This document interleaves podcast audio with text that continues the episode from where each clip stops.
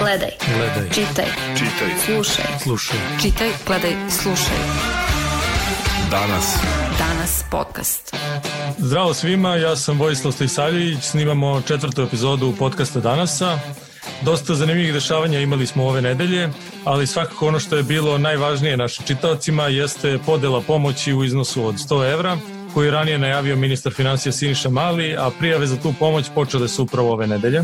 Jedna veoma lepa, veoma važna vest za građane Srbije. Od danas svi punoletni građani Srbije sa važećom ličnom kartom i probivalištem u Srbiji moći će već da se prijave preko sajta Uprave za Trezor. Sajt je idp.trezor.gov.rs. IDP je isplata direktne pomoći. Dakle, dva dana nego što smo to planirali i uh, uspeli smo da osposobimo naš sajt i pozivam sve građane Srbije da tu priliku iskoriste.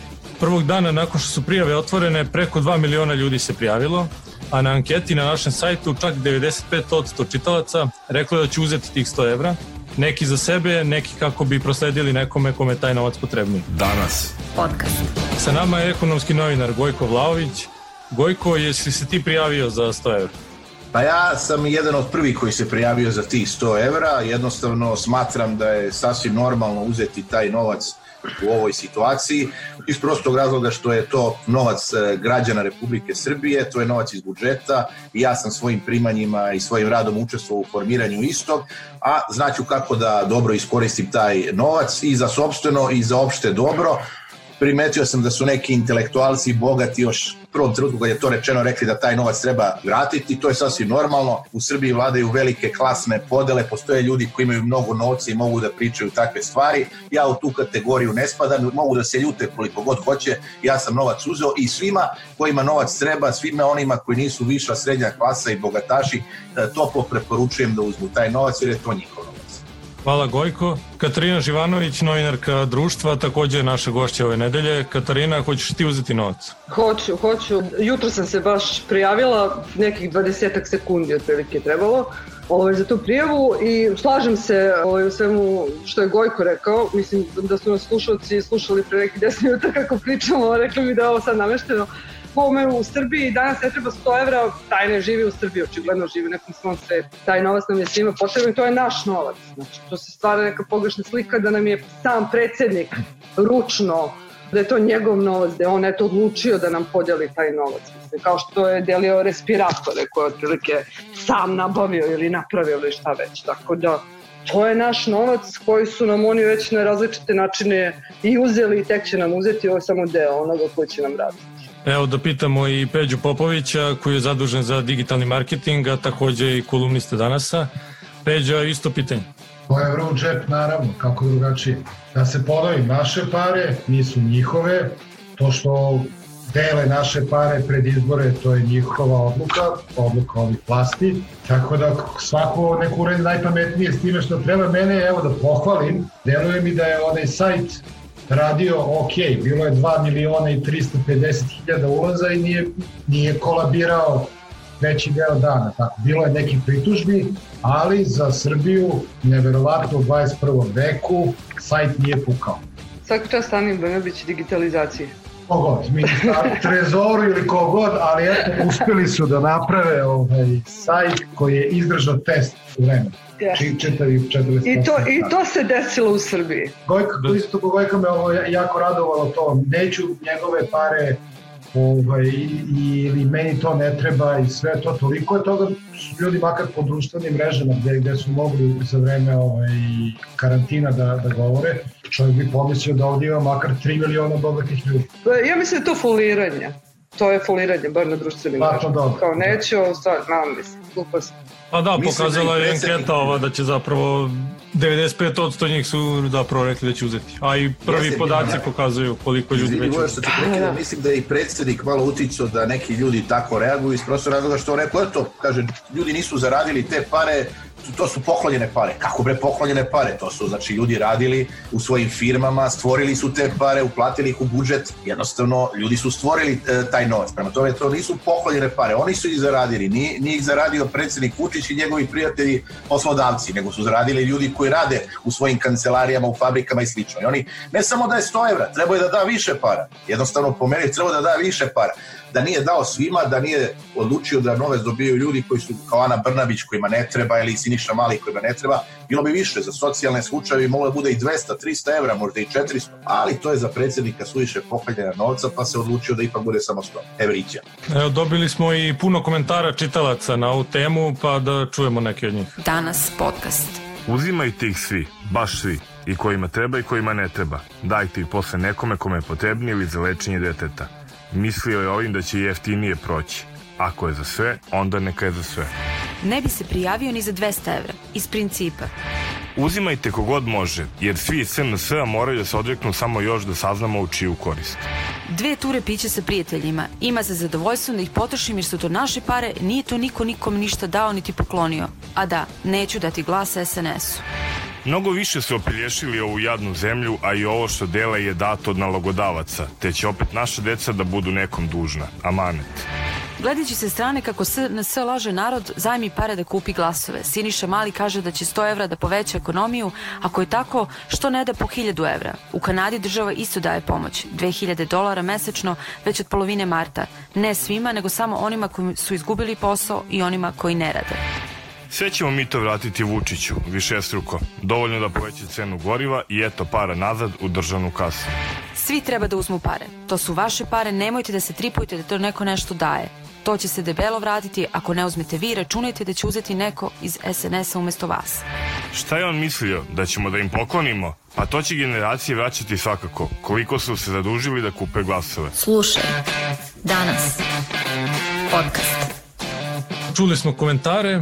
Gojko, kako ti neko, kao neko ko se bavi ekonomskim temama, iz te ekonomske perspektive vidiš ovu meru pomoći građana? Jednostavno situacija je takva da aktualna vlast u Srbiji je svesna da će epidemija e, koronavirusa koja opada, trenutno smo u 11. sedmici iste, a svaka epidemija ima maksimalno 12 sedmica posle njenog završetka da će doći do ekonomske krize za koju svi kažu da će biti mnogo jača, sa mnogo više negativnih efekata nego ona koja je bila 2008. godine i da bi to predupredili vlasti su se odlučile na to da idu na izbore u junu, a druga stvar je da nekako pomognu ljudima kako bi jednostavno ljudi smatrali da je vlast dobra za njih i otuda su se odlučili da daju ovih 100 evra pomoći svima, a smatraju da je to dobar predizborni potez u ovoj kampanji da jednostavno tako motivišu ljude da glasaju za njih. To je inače samo jedna od mera koje je vlada Republike Srbije preduzela, donela je niz ekonomskih mera, osnovna je pomoć poslodavcima kroz plaćanje plata za radnike. Mnogi poslodavci su se prijavili za to i to će poslodavcima biti korisno. E sada, vlada je rekla da je osnovni razlog zašto su to oni uradili da bi sačuvali radna mesta. Međutim, ja mislim da će teško sačuvati radna mesta iz prostog razloga što su oni rekli može, ako poslodavac otpusti do 10% radnika, onda će da dobije ovaj pomoć. Pa čekaj, ako želiš da sprečiš otpuštanje ljudi, onda mu kažeš moraš da otpustiš 0% radnika da bi dobio pare. A ne on tako ga prosto motivišeš da otpusti 10% radnika i ta pomoć koju ti njemu daš za plate, on će da stavi sebi u džep kao profit, a radit će sa manjim brojem radnika. Takođe, imamo situaciju da oni mogu da otpuštaju, a dosta ljudi u Srbiji radi na takav način to su ovi ljudi koji nisu za stalno primjeni, nego rade po razoraznim ugovorima, to su ovi takozvani leasing radici, nikako poslodavac otpusti, on će svejedno dobiti pare, a takvih ima dosta, ima i dosta u građevinskoj industriji i jednostavno, kako da kažem, taj sistem nije dobar jer neće motivisati poslodavce da ne otpuštaju radnike, nego će ih baš motivisati da jednostavno otpuštaju radnike da bi ostvarili malo veći profit. Tako da bi vlada po meni trebala da revidira svoj stav, ali pošto vlada sluša razne lobističke organizacije biznismena u Srbiji, a ne sluša Gojka Vlaovića, ona to neće uraditi. Katarina, evo Gojko je malo prepomenuo te klasne razlike. Da li misliš da ovaj novac mogao da bude pametnije utrošen ili recimo pametnije raspoređen? Pa mi živimo građani Srbije, većina građana Srbije na ivici siromaštva. Mislim, ja ne, znam tačno statističke podatke koliko građana, čini se čak jedna trećina spada u tu kategoriju. Znači da jedva, što bi se narodski reklo, sastavljamo kraj sa krajem.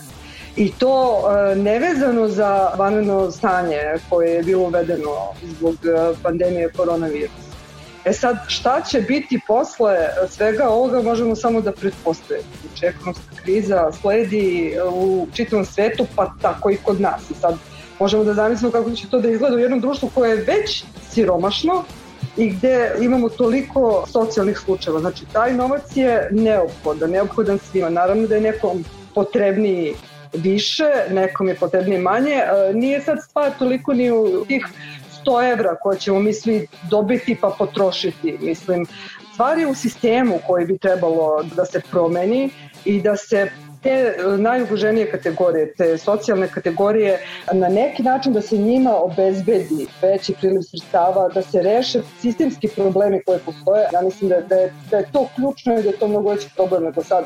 Da li je 100 evra ili 200 ili 300 ili manje ili da li je trebao ovo i da dobije onaj ne.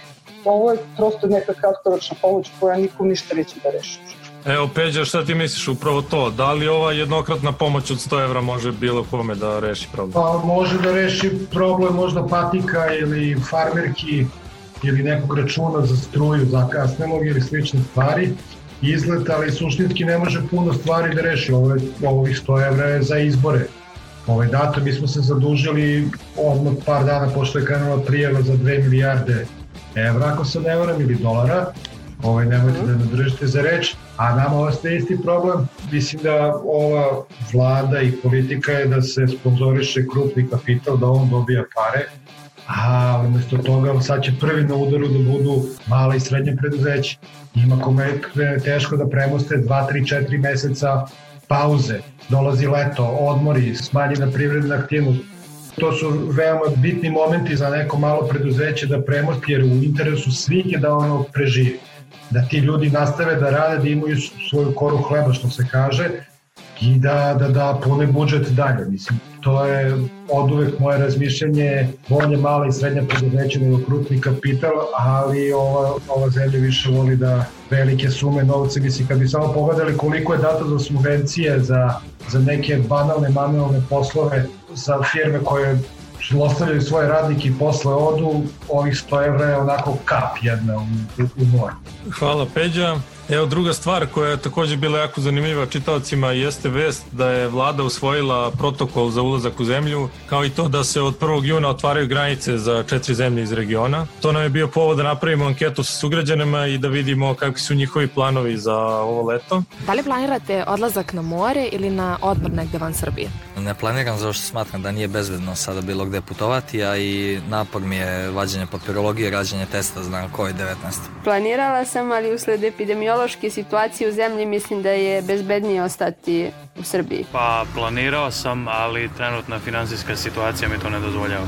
E, da, da, mislim da ću ići. Ove godine sam planirao da odem na more pre korone, ali zbog ovoga neću moći da idem tako da ću najverovatnije otići negde po Srbiji sa društvom. Planirao sam dok nisam saznao da je uvedena obaveza testiranja na koronavirus po povratku u zemlju, odnosno kao alternativa tome što je postavljena izolacija od 14 dana po povratku kući, jer jednostavno nemam toliko vremena, niti volje da odem na godišnji odmor od 10 dana koji ću posle da anuliram time što ću 14 dana provesti kod kuće. Da, idem na more oko 20. jula sa drugarom najboljim i, brate, idemo kod njegove babe u Luštice tamo ima kuću, možda budemo shvatili da Herceg Nova tamo ima stan, ali da, verovatno ćemo biti stacionirani najviše u Lušticama. Slušaj. Danas podcast. Čuli smo šta kažu naši sugrađani. Katarina, kako ti vidiš ove mere i da li misliš da će ova letnja sezona ipak biti spašena bar u nekoj meri? Iskreno nemam pojma zato što se mnogi ljudi oko mene premišljaju i, i mi smo do skoro razmišljali da li uopšte da idemo na more ili ne. Dali smo neku kaparu 50 evra za kraj avgusta i na početku sam, mislim na početku, ono sad kao pri kraju vodenog stanja, nosila sam se idejom da ćemo ići na more, šta, mislim, avgust ima još 3-4 meseca do tada, super sve će to proći. Onda kako vidim da struka menja mišljenje, ne iz dana u dan, nego bukvalno iz sata u sat. Znači, ne pričam sad o vladi i vladinim merama i to što oni danas nešto donesu uveče, nešto potpuno suprotno, pa ne znam, sutra promene odluku, nego struka, znači mislim na epidemiologe, te dve ključne nedelje, pa onda prolazi pandemija, pa onda postoji mogućnost da se vrati, pa evo vraća se, pa bit će drugi talas, bit će drugi talas uh, na jesen, ne, bit će drugi talas na leto, pa, znači mi nemamo pojma šta se događa, ni oni ne znaju šta se događa, a kamo šta će biti za dva, tri meseca. I onda, pošto imam malo dete od četiri godine, a, a verovatno bih tako razmišljala i da nemam dete u ovoj situaciji, zašto bih ja rizikovala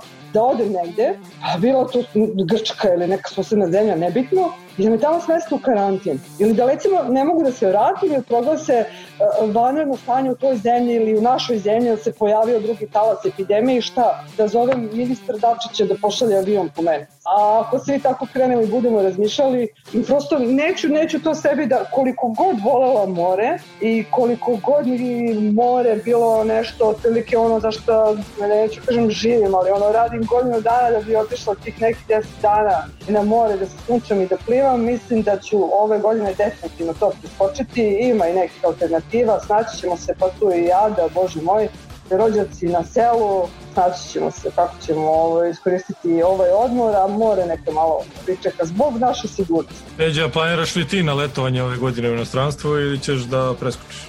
A pošto Srbija nema more, moram da planiram more u inostranstvu. Pa voleo bih, ne, samo ne znam da li će se dogoditi. Mislim da će biti komplikovano, sad zavisi od toga kako će se razvijeti situacija, koliko će koštati recimo bris iz grla, možda će biti 50 evra test da se izađe pa onda 50 da uđeš i jedno tih 100 evra, očas posle da se vrati ovaj. I to samo ti, a gde je žena, gde je dete, žena, gde dete, to, to i sve ostalo. O cestarini, ako krenem preko Hrvatske da ne pričam, to je još jedna mina i tako. A pazi, jako bih volao, meni je more jako bitno, onako psihofizički mi je bitno. Bolje se osjeća cele godine, ali mislim da ću morati da sačekam da vidim možda krajem juna kako se nadam se da će se tada prilike videti na što to liči, a ako ne, Srbija majka, neka planina, panja, negde da je čist vazduh ili neko jezerce, to mi je za sad ideja, ali sve to dosta fluidno i, i ne zavisi od nas. Mislim, možemo i da planiramo šta hoćemo, ali potpuno su druge stvari koje ne poznajemo, se, ovaj, oni se pitaju. Pa da, evo po ovom protokolu svako ko bude ulazi u zemlju mora će da ima negativan taj PCR test na koronavirus i to ne stariji od 72 sata. A onda kad se vraćamo s mora da uzmemo novi, jer tako? Pa da. Pa da. Gojko, imaš ti neke informacije koliko će koštati ti testovi, gde će moći se nabave i koliko će uopšte biti dostupni nama građanima? Da, veoma zanimljivo pitanje. Ovaj, smatram da u datom trenutku priča o tome ko će gde ići na odmor i da će doći drugi talas epidemija nije završen prvi, da su u datom trenutku potpuno besmislene. Ja sam pristalica politike korak po korak. Znači, pod brojem 1 vezano za ove dve stvari koje sam spomenuo. Prvo treba da ispratimo ovu aktualnu epidemiju u kojoj se trenutno nalazimo, koja je u opadanju. Trenutno smo u 11. sedmici iste, danas smo ušli u 11. sedmicu. Pazi, ja dajem preciznije podatke nego ovi epidemiolozi, bolje mene ljudi da slušaju. Znači, danas smo u 15. maja smo ušli u 11. sedmicu epidemije. Prema onome što sam ja proučavao i kažu epidemiolozi, svaka epidemija ima ukupno 12 sedmica. To znači da bi negde krajem maja ovo sve trebalo da završi, ne bi više trebalo da, nažalost, ljudi umiru u tom trenutku, može da se desi i da nema zaraženih, ali u svakom slučaju 6. juna se navršava tačno 3 meseca od početka epidemije u Srbiji, ako ona zaista počela 6. marta kako kažu, i od 7. juna pa nadalje epidemije više ne bi trebalo da bude ako se ovaj mutirani virus ponaša onako kako se ponašaju do sad svi poznati virusi na planeti Zemlji koji su otkriveni. E, to je ono što bi epidemiolozi nama trebalo da pričaju, a ne da se spremaju da uđu u istoriju kao veliki borci koji će neke nove mere uneti u drugi talas, za koji je neki čak tvrde da ga neće ni biti, ali to je sada druga tema. Tako da je moja logika sledeća. Treba sačekati da se kraj maja, početak juna, da vidimo da ovaj virus otišao, e onda možemo praviti planove za more. Ono što ja znam, a znate to i vi, da je naša vlada odlučila da ako epidemiološke mere dozvole, 1. juna budu otvorene granice sa četiri susedne države, jedna od njih je Crna Gora, rekli su i da će menjati te mere za testove ako bude opadala epidemija, to u, u zagradi i, ili između redova da čitate znači da će, a, a, ako krenete u Crnu Goru, verovatno vam crnogorska strana neće tražiti testove, naša strana vam neće tražiti testove, tako da postoji velika šansa da građani Srbije letuju u Crnoj Gori ove sezone bez ikakvog problema. Što ili Albanije. Da. Što se tiče Grčke, koja je veliki san svakog prosječnog srpskog turiste, ako ne ode ovaj, na more u Grčku, propala je cijela godina, ja to razumem u potpunosti. Ovaj, Pa ti da te pitam šta ti imaš protiv Grčke? Nemam ništa protiv Grčke, samo kažem kakva je situacija kod nas u Srbiji. Ljudi više vole da idu u Grčku nego u Crnu Goru. Pa šta je to sporno? Evropska unija je rekla da granice prema zemljama koje nisu članice Evropske unije, a Srbija je to još uvek, moraju da ostanu zatvorene do 15. juna. Znači do 15. juna niko sa prostora Srbije neće otići u Grčku zato što Brisel to ne dozvoljava. Posle 15. juna oni će razmisliti o tome da li da otvore granice prema nama, eh, odnosno zemljama koje nisu u Evropskoj uniji ili ne, i verovatno da će ih otvoriti. E, do čega onda dolazimo? Da li će Grčka i druge zemlje u koje bi stanovništvo iz Srbije mogli da na more, recimo druge zanimljive destinacije za naše turiste su Turska, Egipa, dopunite na tu ima još nešto, da li će oni tražiti te testove? Uh -huh. Ja lično, ako se budu plaćali testovi, nemam nameru da idem na more van uh, granica Srbije, u stvari da uopšte idem na more, kao što je lepo Peđi rekao, Srbija more Peđa nema. naša. Jer to je dodatni trošak. Ne košta to i 50 evra, koliko, baš smo skoro u redakciji pričali koliko jednom srpskom turisti treba para za hranu u Grčkoj i za sve ostalo, za benzin ako ide kolima i tako. To znate i sami koje su to cifre. To je 500, 600, 700 evra, zavisi kao koliko, koliko troš, e, to trošak. smo baš ti i ja pričali, je li tako, tako bilo? je. Pred onaj Koliko koja porodica troši, da li mama kuva, da li ne kuva, da li Jeste, pomažu. I zamislite na to još za troje ljudi, a nek dete bude ili deca nek bude oslobođena, još da platite 100 evra za te testove, pa još ako i smisle 100 evra za testove u povratku, pa onda razmišljaš u stranoj sam zemlji da li to osiguranje može da nas pokrije ili ne. Jednostavno, ljudi treba dobro da razmisle, ali ja nisam kao ovi naši epidemiolozi. Ovi naši epidemiolozi očito vole oni da kažu ono što kaže i vlast.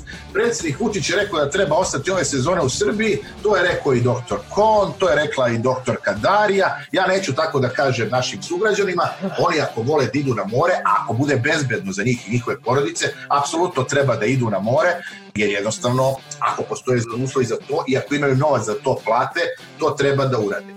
Da, ja ću da, dakle vidjet na more ići samo u situaciji pod uslovom da ne moram da platim nekakva ispitivanja na viruse, u tom slučaju neću da idem u Mi inostranstvo. nećemo malo dete, nećemo da rizikujemo karantin. Peđa? Pomoz Bože da ode na, na more, eto šta da ti kažem. Vidjet ću kako se bude razvijalo. Ako bude frka, neću da idem. Ako bude prekomplikovan, neću da idem. Danas. Podcast. Hvala vam na analizi prethodne nedelje, a mi se slušamo sledeće nedelje u istom terminu. Gledaj. Gledaj. Čitaj. Čitaj. Slušaj. Slušaj. Čitaj, gledaj, slušaj. Danas. Danas podcast.